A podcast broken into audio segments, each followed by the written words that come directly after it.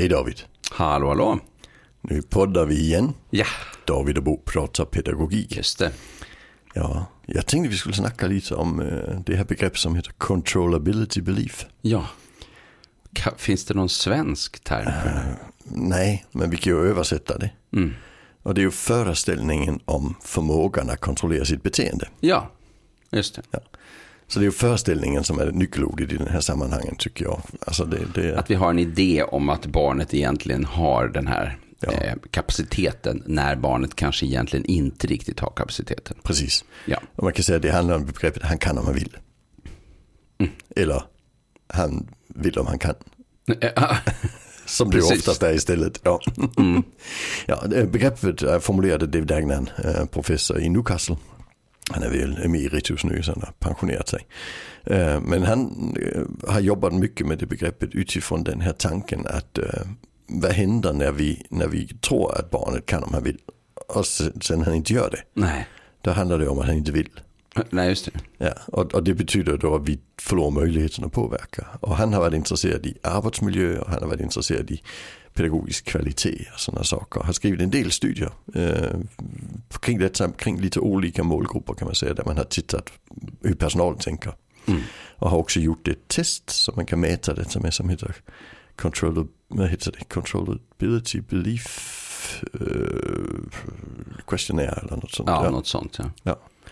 Just för att eh, liksom ringa in då personalens Ja. idéer om eh, barn eller personerna som de jobbar med och deras eh, möjligheter att kunna Ja. reglera sig själva. Ja. Och han har kunnat visa att personal som blir sjukskrivna, eh, de har det vi kallar en, en hög controllability belief. Ja, de, de, de tror att barnet i större utsträckning kan ändra sig. Ja.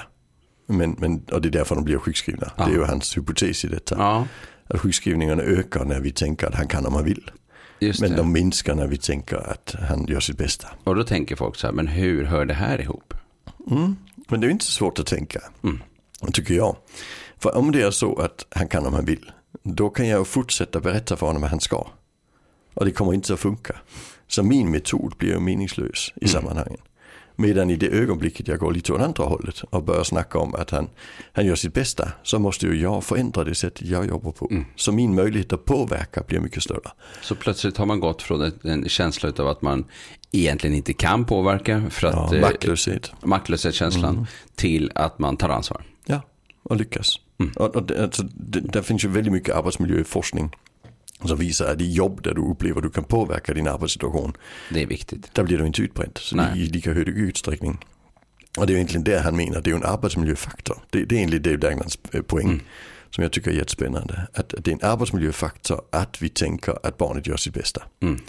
För då blir det så att då får vi möjlighet att påverka och då får vi handlingskraft och det, det ökar vår trivsel och, och lyck, vi lyckas bättre. och så vidare. KASA-begreppet kommer ju in där, tänker jag också. Ja, Eh, I den bemärkelsen att eh, när tillvaron är hanterbar och begriplig och meningsfull. Men och, eh, när vi inte känner att vi har möjlighet att påverka, då blir det ju inte hanterbart. nej precis. Och det känns ju inte meningsfullt. nej. Och det, det är ju Eh, Antonovskis eh, känsla av Antonovskis samling. känsla av sammanhang. Ja, Ja. precis. Ja. Och som också, också har visat sig vara en viktig faktor i arbetsmiljön. ja, men precis. Så jag tänker att det finns kopplingar där egentligen Ja. också. Det. Man kan säga att det här det är ju, det är ju lite mer eh, specifikt. Ja. Carson-begreppet är ett jättebra paraplybegrepp. Mm, ja. Och här där går man liksom in på en specifik faktor. Mer specifikt. Ja. Så när vi har en stark föreställning om att det är personen som ska förändra sig fastän den i verkligheten kanske har jättesvårt för just detta. Då hamnar vi i en position där vi blir maktlösa. Precis, ja. Och för att ta oss ur därifrån så måste vi liksom kavla upp armarna och, och, och tänka att vad är det vi ska göra för någonting. Ja, precis. Alltså, vi kan ju göra det lite mer konkret. Mm. Eh, vi har, de senaste två avsnitten har vi ju snackat attributionsteori Ja. på lite olika vinklar. Och det här är en tredje vinkel på samma sak. Mm. Eh, och ett av de orden som David Agnan tar upp det är ordet omotiverad. Mm. Så är det så att vi upplever att barnet är omotiverat. Det är ju för att vi tror att han kan motiveras om han vill. Ja, just det. Och där kommer vi ju då att, att misslyckas. Mm. Det är hans utgångspunkt. Medan om han säger så fort vi bara ändrar lite grann och säger han är svårmotiverad. Då blir det plötsligt mycket enklare. Då blev det, en, eh, då blev det ja, för omotiverad, det är som att det är helt kört. Och svårmotiverad, då fanns det en liten öppning. Ja, omotiverad också att det är elevens ansvar. Och svårmotiverad, det är ju vårt ansvar att motivera honom i så fall. Ja, det ligger i det. ordet. Precis. Ja, så, så, så, så det är egentligen små detaljer han säger får en väldigt stor betydelse. Mm. Eh, Jag tycker det är väldigt spännande eh, i, i mitt dok doktorsavhandlingsarbete. Mm. Där använder vi controllability, belief scale. Heter Mm. det. Ja, ni gör det. Mm. Eh, och, och, och det vi vill titta på det, det är det är ja, det, kombinera det med lite andra test vi får se hur det samverkar med till exempel det här med autonomistöds ingång till pedagogiska arbete. och Så Mm. det, det tycker jag är jättespännande. Men jag tror också att eh, när, man, när man tänker på det här viset så hamnar vi i en, i en, en lite annan tanke. Alltså när vi tänker, han klarar sig och han kan om han vill när jag är stressad. Och när jag är lite ostressad så gör jag mitt bästa och han gör sitt bästa. Mm. Och det är jät- jättesvårt att mäta. Så jag skulle inte vilja göra en sån här mätning över tid. Där man mäter i olika tider av en anställds liv för att se. Ja, alltså, skiftar vi den här controllability belief utifrån vår trivsel och vår stress. Mm. För det är ju så jag upplever i mitt liv. att alltså, Jag tänker ju när jag pratar med Telias kundtjänst eller liknande verksamheter. Mm. Så tänker jag att de kan ju göra saker om de vill. Eh, alltså om de vill göra det lätt för mig då är det bara lätt. Att de liksom säger nej tyvärr det är inte möjligt. Då tänker jag de är fan idioter. Men det betyder också, jag ringer bara till dem när något inte funkar. När jag blir stressad. Ja, just det. Alltså, så om jag hade ringt dem på en bra dag så hade jag kanske haft en Sätt helt det annan. annorlunda. Ja, det kanske, ja, jag förstår, du är ju bara en stackars 22-åring som sitter här i, i, i Indien och ska försöka få till det. Det är ju det en helt annan sak. Liksom. Ja, just det. Ja, det är bra. Ja. Just det. Så, så, så jag, jag tycker det är ett väldigt spännande begrepp och det är spännande just i förhållande till att han kopplar arbetsmiljön till den här föreställningen. Det är väl egentligen det stora i det tycker jag. Jag tycker att jag i handledning väldigt ofta hamnar i, i jag, jag kommer ju i princip bara ut när, eller blir efterfrågad eftersom jag är extern också. Då. Men eh, i situationer när man så att säga har kört fast på riktigt och man tycker att man har gjort allt. Eh, och då har man ofta hamn, vilket man ju inte har. Eh, men Man har aldrig provat allt. för det har, man, man har gjort allt enligt sina, eh, sin kunskap kanske ibland, sina normer eller värderingar eller hur högt man har i tak i relation till, Mm.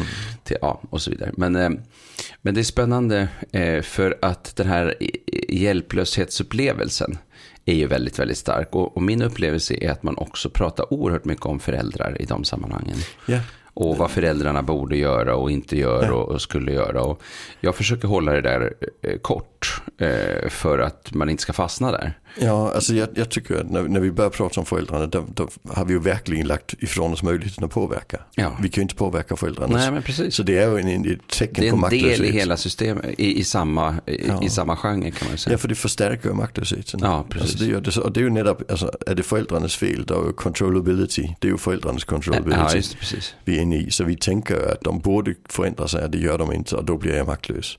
Då blir man Eh, maktlös. Så jag har lite fler sådana. Eh, Jag brukar säga när, när folk kommer med det så säger jag, vad är det vi misslyckas med? För nu Mm. snackar vi om mamma och det gör vi bara när vi misslyckas. Ja, Eh, Men det är samma när vi börjar snacka budget. Mm. Vi, vi behöver fler resurser. Mm. Nej, brukar jag säga.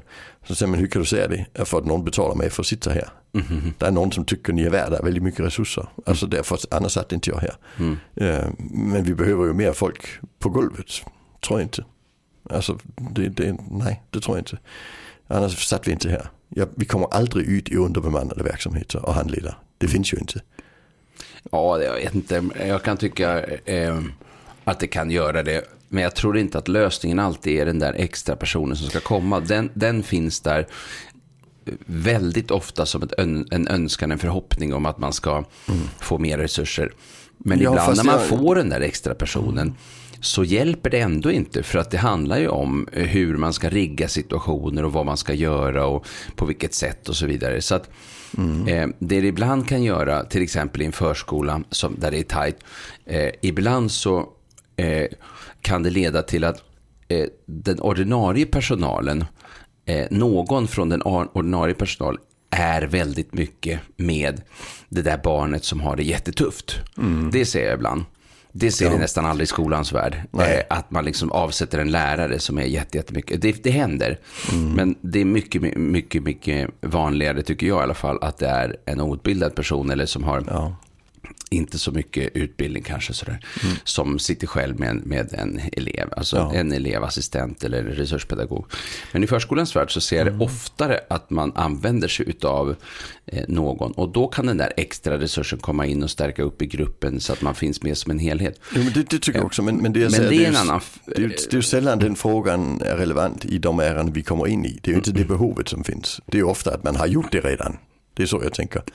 Ja, många gånger har man gjort det. Och ja, ibland så ser man handledningen ska vara, istället för att tillsätta någon. Ja. Det har hänt mig flera gånger att man har mm. påbörjat en handledning och så har man träffat en gång kanske eller två. Och sen plötsligt har det hänt någonting som har gjort att de har plockat in någon. Och sen så säger man nu behöver vi ingen handledning för nu har vi personal. Ja.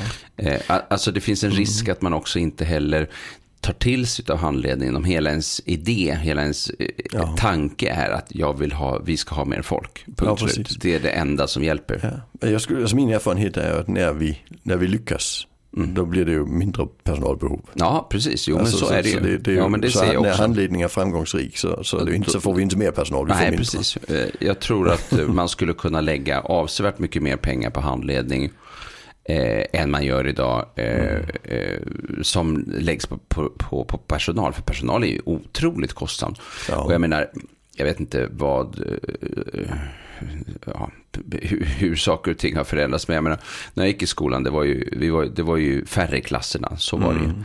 Men det var ju aldrig mer än en vuxen i klassrummet, aldrig Nej. någonsin. Eh, och i, idag kan det i vissa fall, i lågstadiet till exempel, ibland vara för många i klassrummet. Mm. Eh, det, eh, för många säger då utifrån perspektivet att man inte sampratade tillräckligt. Mm. Eh, jag har varit på jättemånga skolor där man har inte ens någon tid överhuvudtaget för att prata om saker och ting mm. tillsammans. Ja. Fast man ska jobba tillsammans. Det är helt obegripligt. Ja. Undra på att man blir handlingsförlamad om man aldrig någonsin får resonera om hur man ska jobba. Nej, precis. Och det är ju en ledningsfråga förstås. Ja. Och där tänker jag, det, det spelar också in i controllability eh, mm. belief-begreppet. Alltså när vi tänker att ja, men, när vi sätter på den här personen, då är det den personen som ska hantera det. Men vi sätter dit en 19-åring outbildad. Mm. Men, men vi lägger ansvaret ifrån oss på samma vis. För den 19-åringen kan ju. Men det är ju inte säkert att de kan. Nej, nej, nej precis. Mm, alltså, nej. Det, det, är ju inte så helt enkelt. Och det är inte bara två armar och två ben och liksom så som nej. ska komma dit, utan det är ju en kompetens som behövs. Mm. Jo, och plus det, jag har erfarenhet av att eh, när, när, när vi får väldigt många av den typen av anställda, då tappar personalen kompetens. Alltså för det, då för behöver, då man behöver... har en förhoppning om att det är personellt, alltså att det, det är det som ska lösa det. Eller? Ja, men också att alltså, har vi, har vi en, en 19-åring som tar hand om i Liam där ja, i slutet precis, så, ja. så slipper läraren ta hand om ja. Liam och då förlorar läraren kompetens. Så den dagen en 19-åring är sjuk så blir det fullkomligt kaos i klassen. Ja, precis. Alltså, Därför att man anpassar inte då. Nej, men, men man tappar kompetens i att hantera Nej, men precis, Liam. jag förstår du menar. Precis så. Mm. Och, och där, där blir handledning ofta en bättre tanke. Och det handlar om, jag skulle säga hälften av min handledning genom åren har jag egentligen handlat om controllability belief. Mm. Alltså när jag tänker igenom. Ja, jo, vi hade andra men... begrepp kanske och så. Ja. Men det handlar ju om det här med, gör han sitt bästa eller gör han inte sitt bästa? Nej, precis. Mm. Alltså det, det, ja. är ju, det är ju hela tiden. Det är den frågan som kommer igång liksom. hela tiden. Jag håller hela med. tiden, ja. Hela tiden. Så, så på det vis kan man säga att, att handledning kommer att lyfta. Så vi kan hantera Liam ja. i klassrummet. Inget fel på namnet Liam, det var bara något jag tog nej, i luften. nej, Mm. Nej, men precis att eh, eh, det handlar oerhört mycket om vilja och kunna frågan. Ja. Och att man fokuserar alldeles för mycket på vilja frågan.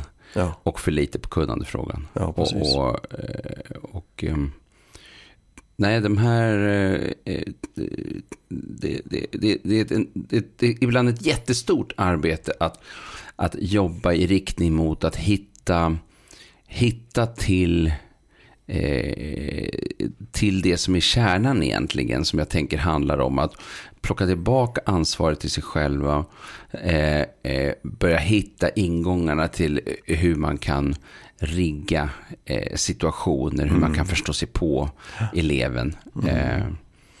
Eh, för att man inte ska hamna där att man helt enkelt ställer för höga krav. Det är ju det, det är ju överkrav som ställs på de här Ja. eleverna och Jo. barnen.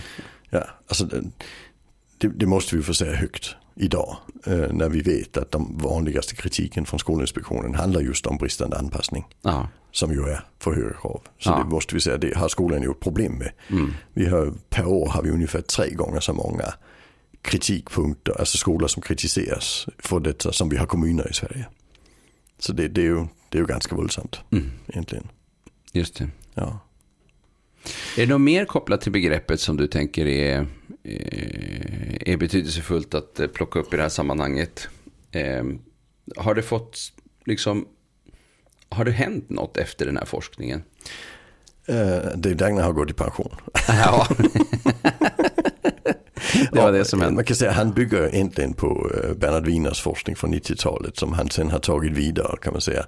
Och i den, den forskningen pågår hela tiden skulle jag vilja säga. Så det händer ju saker kring det. Eh, Ansvarsfrågan där. Ja, precis. Ja, och, och den kommer ju på, men angriper ju, vad ska vi säga, begreppen på lite olika vis och från lite olika håll. Skulle jag vilja säga. Och min forskning kommer ju också att, att spela in i detta kan man säga. Eh, Så, så det är klart det händer saker. Mm. Men, men, men det är ju långt, vi kommer aldrig förstå dessa processer fullt ut. Alltså tänker jag. Nej. Det, det gör vi inte, det krävs betydligt mer. Ja, och jag tänker att det eh, varierar väl också beroende på situation, person och allt möjligt. Men det är viktigt att plocka upp det som fenomen och vara medveten om att det här Mm. eh, är, är viktiga faktorer och starka krafter i det här också. Jo, För det finns ju någonting som är ganska kraftfullt i att också avhända sig eh, ansvar. Eller att, att det här, alltså ser vi en människa bete sig på ett taskigt sätt mot någon så är det klart att vi funderar över vad är det som, som liksom gör att den här personen Eh, ja, eh, vi, vi tänker att den personen är ansvarig för det är den som handlar helt enkelt. Ja. Men vi kan ju också fundera på hur ser sammanhanget ut? Vad har hänt innan eh, den här barnet slog ett annat barn eller tog dennes leksak? Har, är det inte, vi, liksom, hur har vi riggat situationen och, och hur förstår vi oss på eh, att hjälpa ett barn till exempel om vi nu tar förskolebarn, på ett bra sätt så att han eller hon ska kunna fixa situationen bättre. Vi, vi, vi behöver rigga situationen mer och vara mer närvarande och sånt. Ja, men jag tänker också det kopplar ner i, i, den här grundläggande, vad ska vi säga, moralfilosofiska tankar Tomasello har, Michael Tomasello, där han säger att den, den som vi förstår är svag och sårbar tar vi hand om. Och Ja. den som vi tror är vår jämlika eller har controllability ska fan uppföra sig. Annars Just det. åker de ut. Alltså, Ja. så, och, och där, han snackar ju om väldigt kraftfulla evolutionära mekanismer. De Alltså, finns där helt de enkelt. finns där, alltså, Beter så- man sig illa så kan man bli utkastad ur systemet. Ja. Och, ja. Till och med treåringar säger att du får inte vara med om du gör på det viset. Nej, Alltså, precis. Ja. Så det är ju väldigt, väldigt eh, djupt i oss människor. Ja. Alltså, och, och där tänker jag att det här det är ju ett, ett igen, ett sätt att dy, dyka lite ner i de, i de mekanismerna. Vad är det som händer och hur kan vi, hur kan vi förhålla oss? För att det är en mänsklig faktor betyder inte att vi inte ska kunna övervinna den i en pedagogisk situation. Det är ju jätteviktigt. Ja. Det är en, alltså, när det är sund förnuft och mänsklig, eh, mänskliga egenskaper och så vidare. Det är ju ändå amatörmässigt. ja, Det är det som vi allihopa har. Den professionella ska kunna lite mer än bara sin organism så att säga. Precis. Det, det, är, det är viktigt och, och därför blir det ju, kommer det att fortsätta vara ett, något vi behöver titta på på lite olika Ja, vis tänker jag. just det. Just det. Mm. Ja, spännande. Ska vi runda av där? Det tycker jag. Ja, det gör vi det. Hej, hej. Tack för idag. Hej, hej.